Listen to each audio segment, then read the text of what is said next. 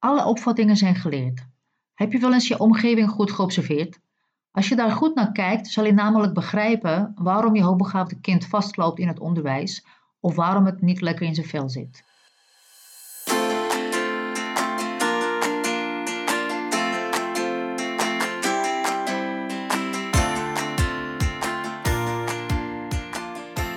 Dit is podcast over hoogbegaafde rebel in wording. Mijn naam is Renate Hamsikova. Mensen volgen meningen van anderen en van media en denken zelfstandig niet na. Ze willen op elkaar lijken en als iemand afwijkt van wat ze gewend zijn, vinden ze het vreemd of eng of voelen ze zich daar ongemakkelijk bij. En alle mensen moeten zich aanpassen aan de groep, ook hoogbegaafde kinderen. Het is eigenlijk een stopzin van vele onderwijzers en hulpverleners. Ze zeggen, uh, als hoogbegaafde moet je je aanpassen, anders red je het niet in de maatschappij. Oh nee, red je het dan niet als je jezelf verliest, als je niet meer weet wie je bent en als je een zombie, als je als een zombie uh, in de maatschappij begeeft, ben je dan weerbaar en zelfredzaam? Ja, mensen denken niet zelfstandig na. De meeste mensen niet. Dat hebben ze niet geleerd omdat de aanpassing, doen wat je gezegd wordt en memoriseren van bestaande kennis de norm is. Maar op die manier verzet je je tegen het leven. Op die manier kun je niet vrij zijn. De grootste angst van mensen is het risico te leven en uiting te geven aan wie of wat ze werkelijk zijn. Gewoon zichzelf zijn is hun grootste angst. Let daar eens op uh, een keer. Kijken om je heen. En uh, kijk eens wat je opvalt. Maar we hebben geleerd ons leven te leven in een poging te voldoen aan andermans wensen en eisen. Uit angst niet te worden geaccepteerd. We creëren een beeld van hoe we zouden moeten zijn om door iedereen te worden aanvaard. En die angst nemen we met ons mee. Je hele leven uh, lang en je projecteert het op anderen. Dus moet een leerling getest zijn om te bewijzen dat hij hoogbegaafd is. Want je durft niet naar het kind te kijken. Je hebt geleerd uh, alles te meten. En alles wat gemeten is, is waar. Maar wat doet dit met het kind? Het kind voelt dat het aan bepaalde eisen moet voldoen. Zich aanpassen aan iedereen, mag niet zichzelf zijn, mag niet afwijken, uh, moet stilzitten, mag niet veel vragen stellen, uh, mag niet druk zijn, moet meedoen met werkjes, mag zich niet, mag zich, uh, niet afzonderen. Maar het kind, intelligent en intens, voelt dat het niet volmaakt is en verwerpt zichzelf. En de mate van zelfverwerping hangt samen met de effectiviteit waarmee de volwassenen erin slagen die integriteit van het kind te breken. En het kind voelt dat het niet voldoet aan het beeld van volmaaktheid. Het kind lukt het niet te zijn wat het zou willen zijn, of wat het gelooft dat het zou moeten zijn.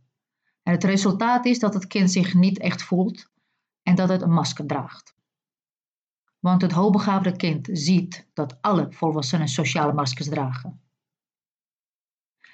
En dit kan heel ver gaan. Als mensen zich niet goed genoeg vinden, kunnen ze later relaties accepteren die minder goed voelen, uh, die minder goed voor ze zijn. Ze nemen genoegen met minder. Ze zijn dankbaar dat een ander uh, met ze bevriend wil zijn. Uh, of met ze wil leven. Want ze voelen zich niet goed genoeg. Je voelt je hele leven lang niet goed genoeg. Ja, en dan zeggen de kinderen in mijn praktijk regelmatig: Ik wil gewoon normaal zijn. Maar wat is normaal? Je hoort vaak mensen praten over hoogbegaafde leerlingen en normale leerlingen. Betekent het dan dat hoogbegaafd niet normaal is? Ja, het is belangrijk te beseffen dat als je de zin zegt: normale kinderen gedragen zich anders of normale mensen leren anders, wat zeg je dan eigenlijk? Je zegt dat hoogbegaafdheid abnormaal is. Ja, je hebt waarschijnlijk regelmatig zelf eh, de kracht van het woord ervaren in je leven. Hoe gaat een kind om met dit fenomeen? Op school wordt veel aandacht besteed aan wat niet goed gaat. Je leest prima, maar je executieve functies zijn nog niet goed ontwikkeld. Ik kan me bijna niet meer inhouden als ik zo'n opmerking hoor.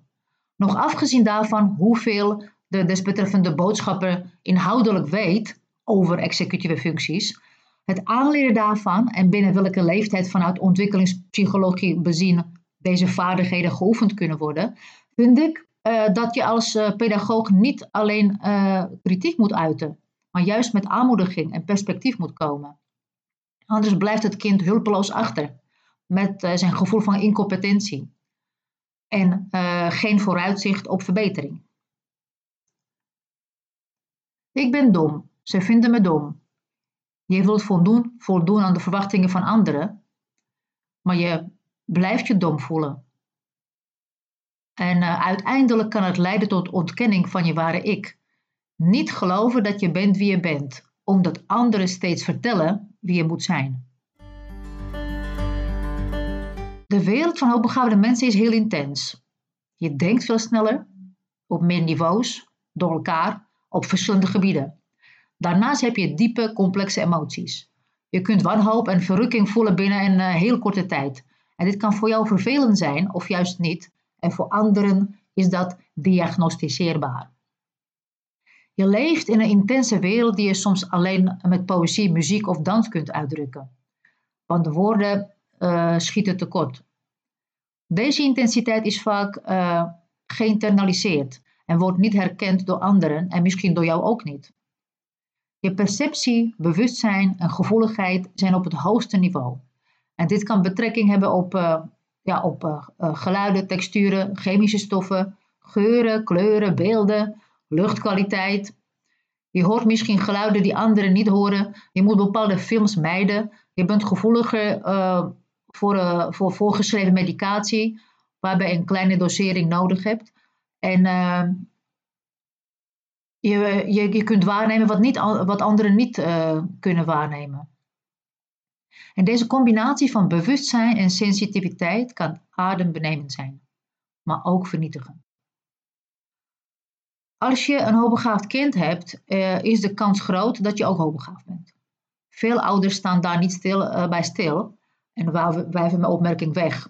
En vaak ook moeders denken, nou nee hoor, ik ben niet hoogbegaafd, de vader is hoogbegaafd.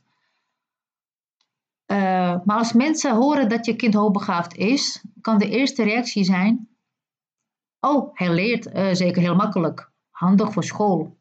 Ze hebben geen idee dat je je uitgeput, eenzaam en overdonderd kan voelen.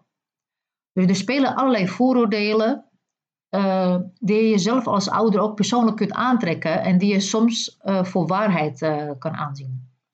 Als je kind op jou lijkt, kun je regelmatig in machtsstrijd belanden hè, met je kind. Omdat jullie beiden intens en gevoelig zijn. Omdat jullie beiden een groot rechtvaardigheidsgevoel hebben.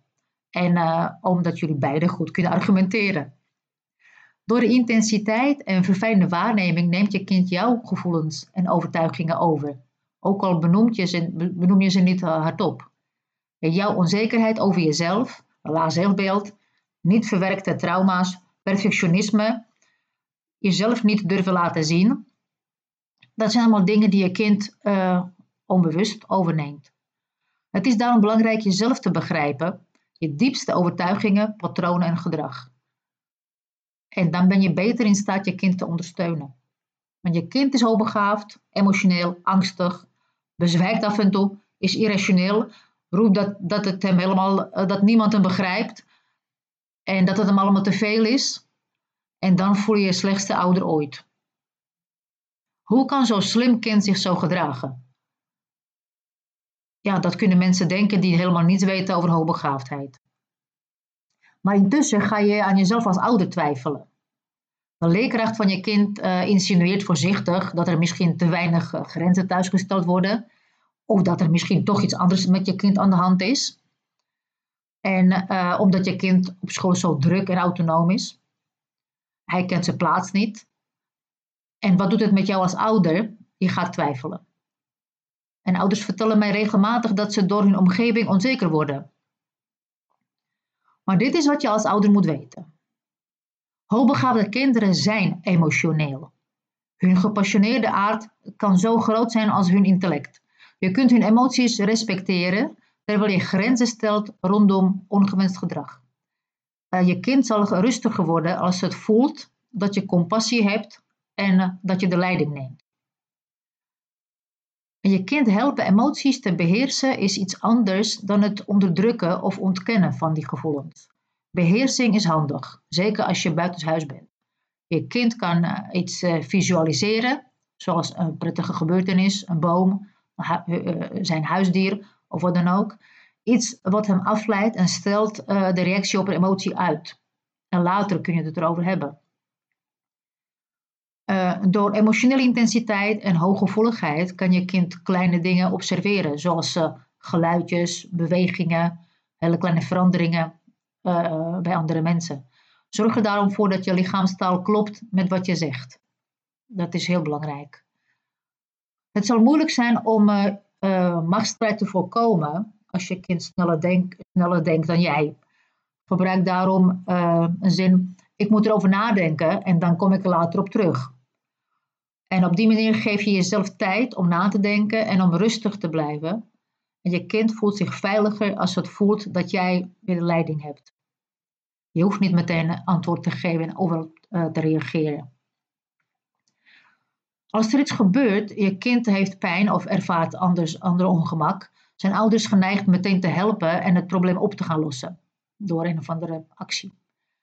Maar neem eerst tijd en luister naar wat je kind zegt. Wat wil het kind eigenlijk van je? Je wilt je kind zelfstandigheid en zelfsturing leren. Hoe kun je dan je kind in de verschillende situaties ondersteunen? In uh, probleemoplossend uh, denken, zonder zelf het proberen voor je kind op te lossen. Dus ga eens kijken hoe je je kind kunt helpen om uit die situatie zelf te komen. Er zijn geen perfecte ouders. Jouw fouten kun je als een gelegenheid gebruiken om je kind te laten zien dat fouten, maken worden, uh, dat fouten gemaakt worden. Ja, en dat het eigenlijk bij, bij mensen zijn hoort. Je kind is hoogbegaafd, emotioneel, angstig, bezwijkt af en toe, is irrationeel. En dat ben jij ook. Ik wil je vragen na te denken over welke invloed jouw opvattingen hebben op je opvoeding.